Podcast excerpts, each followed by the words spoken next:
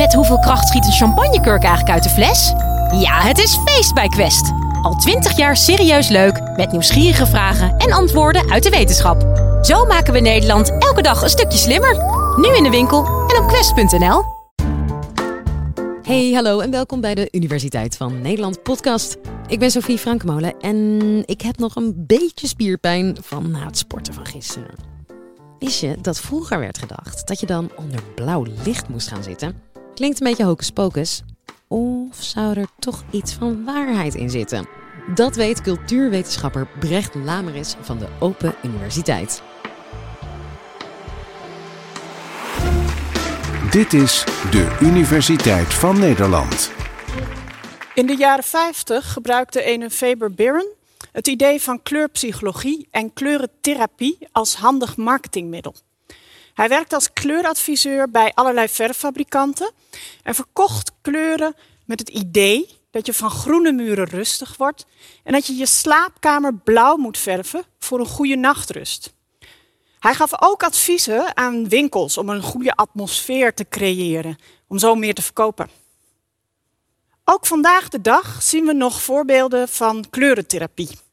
Zo heb je bijvoorbeeld een kleuren sauna. En het idee is dan dat rood energie geeft en goed is tegen vermoeidheid en verkoudheid. En geel zou dan weer goed zijn voor de stoelgang en een veilig gevoel geven. In dit college kijk ik met jou naar het idee van die kleurentherapie. Werkt dat nou echt? En zo ja, waarom dan? Het idee dat kleuren invloed hebben op ons lichaam en dat ze dus ingezet kunnen worden als therapeutisch middel, stamt uit begin 19e eeuw. Rond deze tijd ontstond namelijk een tweedeling in het westerse denken over kleur. Aan de ene kant werd kleur als een natuurkundig verschijnsel benaderd, bijvoorbeeld door Sir Isaac Newton, die kleur in de 18e eeuw beschreef als stralen licht en golflengtes. Honderd jaar later, begin 19e eeuw, begon Johann Wolfgang von Goethe zich meer te richten op de perceptie van kleur. En door zichzelf als proefpersoon te gebruiken, ontdekte hij bijvoorbeeld dat als je naar een rode stip kijkt en daarna naar een wit vlak, er op dat witte vlak een groen-blauwe stip verschijnt. Het zogenaamde nabeeld. Kleur bestaat dan ook niet alleen buiten het lichaam, maar vooral ook binnen in het lichaam als kleurwaarneming. In zijn boek schrijft Goethe vervolgens dat kleuren invloed kunnen hebben op emoties.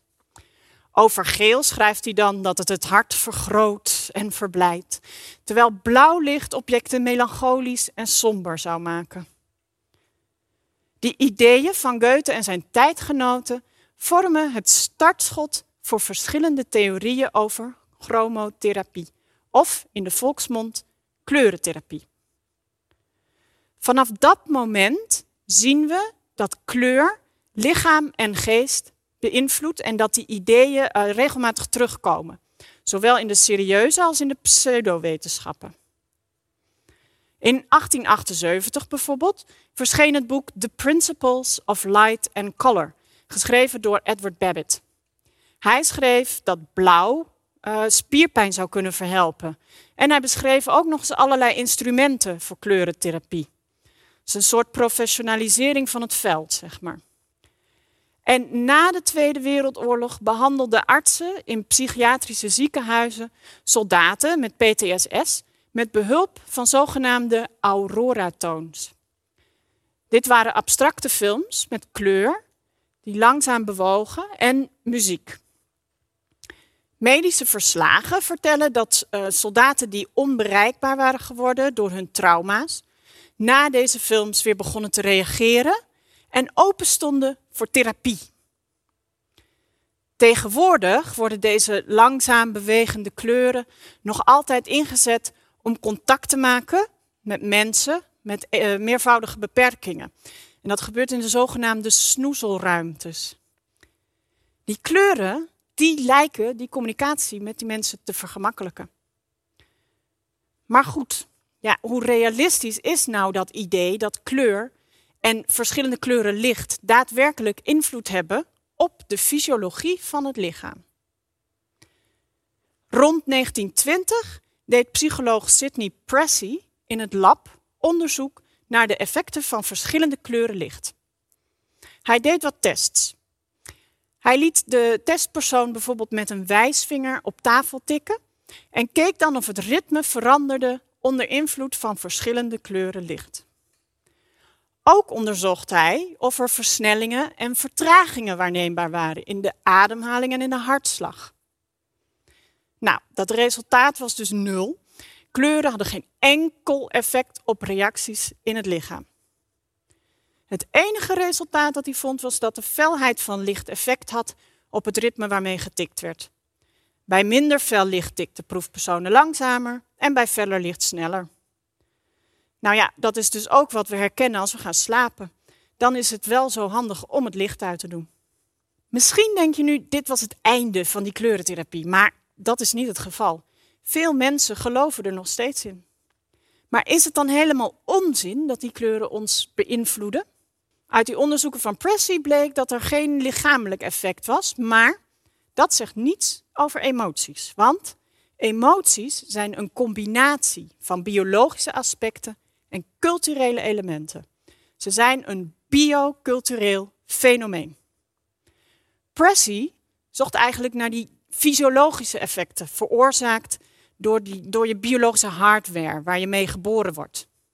Nou, op dat niveau is er geen enkele aanwijzing dat de ene kleur een ander effect op ons heeft dan de andere.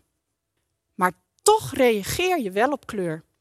Denk maar in als je in de auto zit en het licht springt op rood, dan is je eerste reactie toch om te stoppen. Dat komt omdat we ons hele leven lang al geconfronteerd worden met die rode waarschuwingsborden en dat rode stoplicht. Die culturele betekenissen die worden onderdeel van ons. Ze programmeren zogezegd die, die hardware. En op die manier kunnen die culturele betekenissen van kleur onze impulsen en reflexen sturen.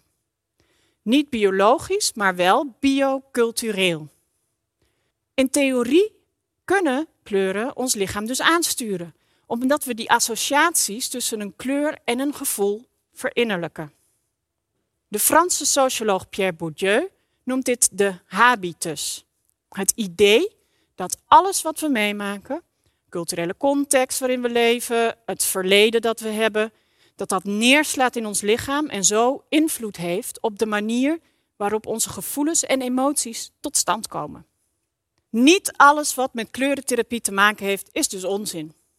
Door de ideeën over die invloed van kleur op ons lichaam voortdurend te herhalen, zoals bijvoorbeeld die meneer Faber-Biren deed in zijn boeken, kunnen ze onderdeel worden van de habitus en de bijbehorende gevoelens en emoties.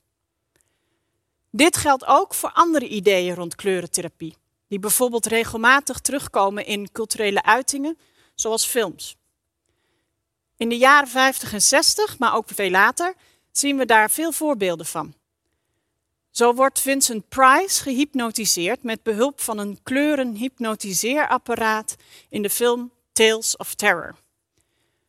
Of de film Fahrenheit 451, waarin mensen worden geïndoctrineerd via een tv-programma. En voordat dit programma begint, worden de kijkers met abstracte kleurenbeelden voorbereid op die indoctrinatie. En natuurlijk Close Encounters of the Third Kind, waarin mensen een kleurenorgel gebruiken om contact te leggen met buitenaardse wezens. En dat is een schot in de roos, want dat schip van die aliens dat blijkt ook een groot kleurenorgel te zijn. En dat leidt tot een vrolijk gesprek en het maakt vreedzame ontmoeting mogelijk. In de jaren 60 werd bovendien ook geëxperimenteerd met zogenaamde expensive cinema om een LSD-trip na te maken. Het doel was om door middel van kleur, beweging en muziek, waarin je ondergedompeld werd, een drug experience te creëren, zonder dat de bezoeker daadwerkelijk drugs hoefde te nemen. En zo werd die droom voortgezet dat kleur het gevoel kan beïnvloeden. Nou, in film en cultuur zijn die ideeën over kleurpsychologie en kleurentherapie dus volop aanwezig. En zo komen ze ook weer bij de mensen terecht die ze weer normaliseren en internaliseren. Net als dat rood van dat stoplicht.